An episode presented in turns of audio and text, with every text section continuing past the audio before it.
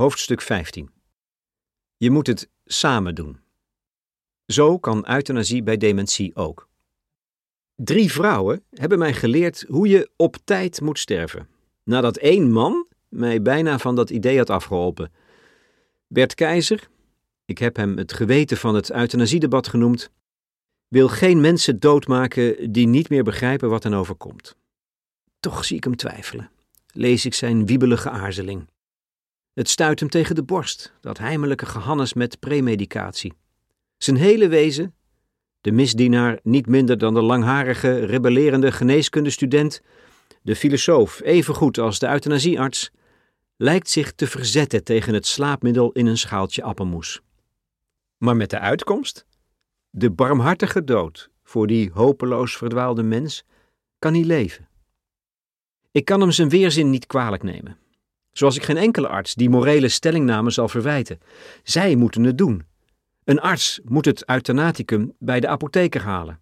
Een arts zal die spuit leegdrukken. En hij, of zij uiteraard, kan dan alleen maar bidden dat de patiënt niet halverwege zijn euthanasie verschrikt de ogen opent. Kom het maar eens doen. En hoe wil jij zelf straks eigenlijk doodgaan?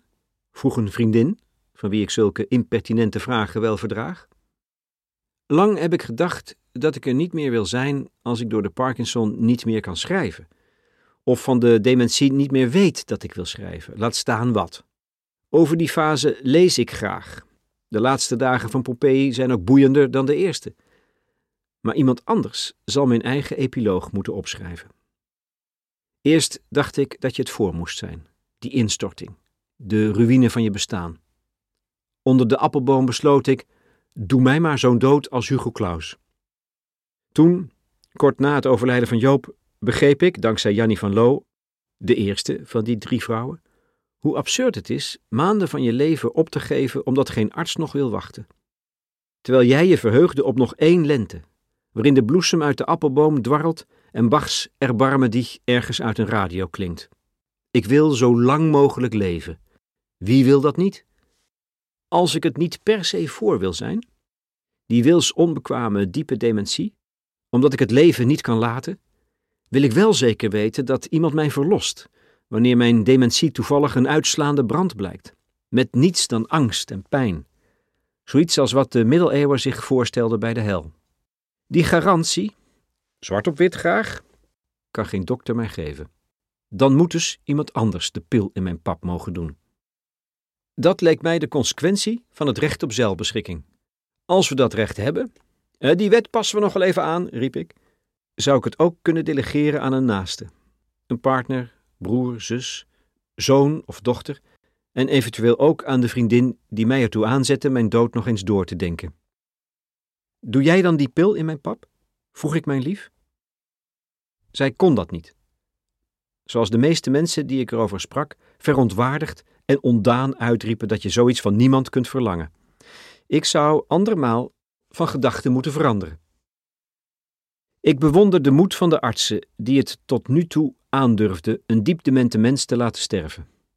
Dat sinds 2002 17 wils onbekwame patiënten, de meesten met gevorderde dementie, euthanasie kregen, bewijst dat het binnen de Nederlandse wetgeving mogelijk is.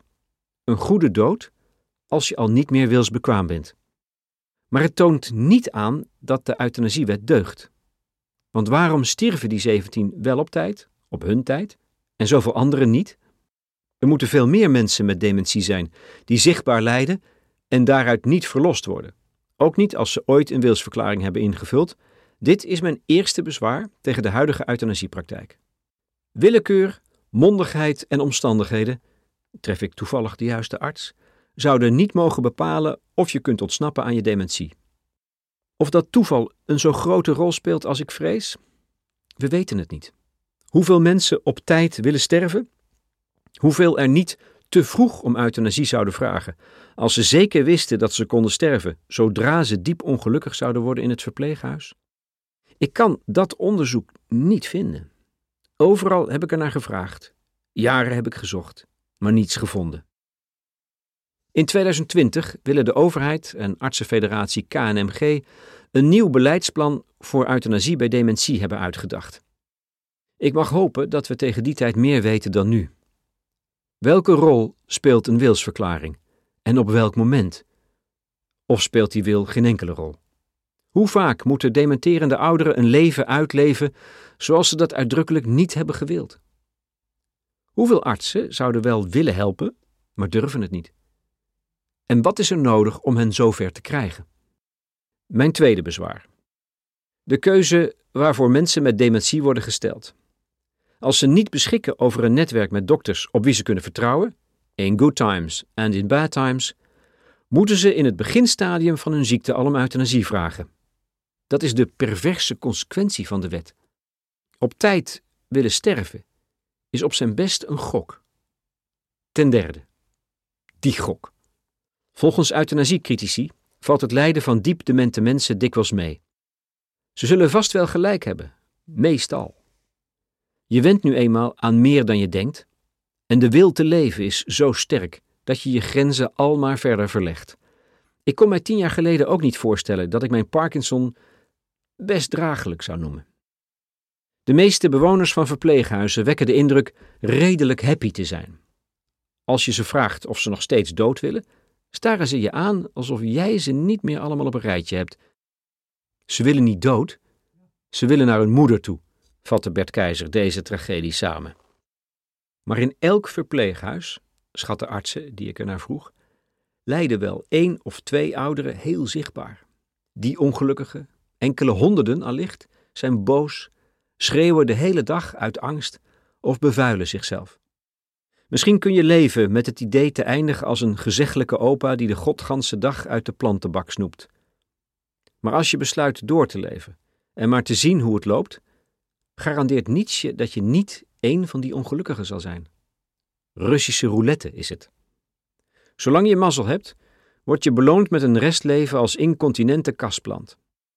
Stel jezelf de vraag of je de gok zou willen nemen en je begrijpt hoe akelig en bitter cynisch dat argument van de blije demente is. De euthanasiewet functioneert prima bij ondraaglijk lijden dat ontstaat uit een medisch defect, kanker, ALS, Parkinson. Een arts is opgeleid om dat lijden te verlichten en weet wanneer dat niet meer lukt. Maar of ik nog gelukkig ben, als ik diep dement in een stoel hang en af en toe huil, kan geen dokter met zijn professionele kennis bepalen. Niet zo goed als mijn lief, die mij al meer dan dertig jaar kent. Artsen, zelfs psychiaters, gaan niet over geluk. Daar hebben we de dominee voor, of kliniekclowns of Bach, maar meestal een geliefde. Wat geluk is, laat zich niet vaststellen met een stethoscoop. Een gedeeld leven, in goede en slechte tijden, lijkt me geschikter gereedschap. Je moet het samen doen, leerde ik van Kea Vogelberg. Zij is de tweede vrouw in dit verhaal. De gepensioneerde huisarts die haar man Hans bleef ondersteunen toen hij besloten had dat hij dit leven niet langer wilde. Kea voelde zich zijn moordenaar, omdat Hans zonder haar misschien nooit had kunnen sterven. Ze had vaak genoeg mensen helpen doodgaan, ook toen het nog niet mocht, om te weten dat je als arts een mens met zware dementie alleen kunt doen sterven als je een relatie met hem opbouwt, geduldig, empathisch. Na de dood van Hans begreep ze dat een arts daarbij een naaste om hulp moet durven vragen. Hoe verschrikkelijk moeilijk dat ook is. Toen dacht ik: natuurlijk kan het niet zonder die partner. Ook Joop zou zonder Jannie nog altijd op zijn Sparta met rondjes rijden op de rotonde. Volgens de wet hebben mijn achterblijvers niets te zeggen over mijn euthanasie. Maar in de praktijk betrekken artsen de familie er vanzelfsprekend wel bij. Hoe zouden ze dat niet kunnen doen? Die artsen overleggen ook met een partner wanneer ze willen afzien van medisch zinloos handelen. Wie dement wordt, legt sowieso zijn lot in handen van een naaste. En dat kan iedereen zijn, van partner tot vriend, en desnoods iemand die door de rechter is aangewezen. Die gevolmachtigde kan van een arts verlangen geen insuline meer te geven of geen antibiotica tegen de longontsteking. In beide gevallen zal de patiënt overlijden. Doodgaan doe je samen, zeker bij dementie. Je komt als achterblijver niet zomaar voorbij de dood. Of je nou die pil in de pap doet, of de dokter vraagt te stoppen met zondevoeding. In woorden schiet het tekort. Het aangrijpende verhaal over het lot van mensen met dementie beschrijft de Britse auteur Nicky Gerrard hoe ze faalde in de zorg voor haar vader, een oude, broze man gepensioneerd arts, gesloten en gereserveerd, die langzaam verdween, zachtjes, lief, zonder klagen. Nicky Gerard is de vrouwelijke helft van het Britse thrillerduo Nicky French. Toen het boek over haar vader verscheen, sprak ik haar samen met mijn dochter Nina. De oud-journalist en schrijver vertelde hoe zij tekortschoot in de zorg voor haar vader toen hij werd opgenomen in een ziekenhuis met beenwonden die maar niet wilden helen. Vanwege een uitbraak van het norovirus werd de afdeling, die toch al strikte bezoekuren hanteerde, ook nog eens geïsoleerd. Haar vader leed al tien jaar aan dementie, maar was redelijk fit. Ik zag te laat dat ziekenhuizen gevaarlijk zijn voor mensen die oud, kwetsbaar en verward zijn. Hij werd niet aangemoedigd om te eten of te drinken, en toen hij na vijf weken thuis kwam, had hij meer dan een derde van zijn lichaamsgewicht verloren. Hij was een skelet, uitgedroogd. Met haar echtgenoot Sean French heeft ze afgesproken dat ze elkaar zullen verzorgen, mochten ze ooit dement worden. We denken tenminste dat we dat zullen willen, wat niet hetzelfde is, relativeert Nicky Gerhardt in haar boek. Want geen van beiden wil echt door de ander worden verzorgd. Geen van beiden wil overgeleverd zijn aan welwillendheid. Geen van beiden wil medelijden en afkeer opwekken. Ze moeten niet aan denken dat een ander haar zal helpen, zal wassen, haar naakt zal zien.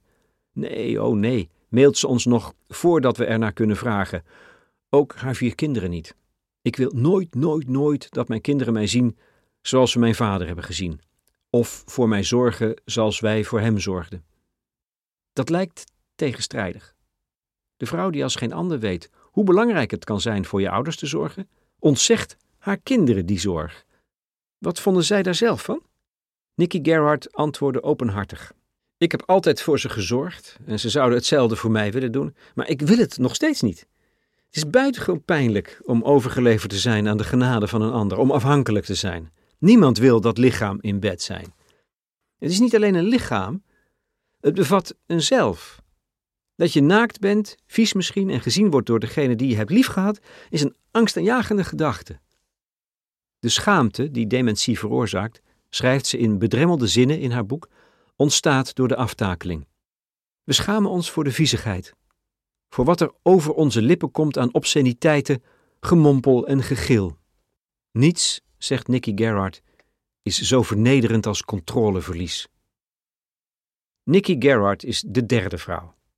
Van haar mails werd het raadsel niet kleiner, integendeel. Pas nu begon ik in te zien hoe schier onoplosbaar het was. Wie niet te laat wil sterven, moet te vroeg om euthanasie vragen, omdat op tijd te moeilijk is. Wat is dat eigenlijk? Op tijd sterven. Iedereen hanteert zijn eigen grens. Als ik mijn lief niet meer herken, als ik onzindelijk word, als ik angstig ben, als ik de godganse dag obsceniteiten uitsla, als ik de controle verlies. Artsen kunnen hier meestal weinig mee als ze voor de keuze staan euthanasie te verlenen. De patiënt die zijn plas laat lopen is misschien vooral opgelucht. Angst is vaak heel behoorlijk met medicatie te verlichten. En controle? Tien tegen één is de patiënt al lang vergeten waar hij zich eerder zo druk om maakte.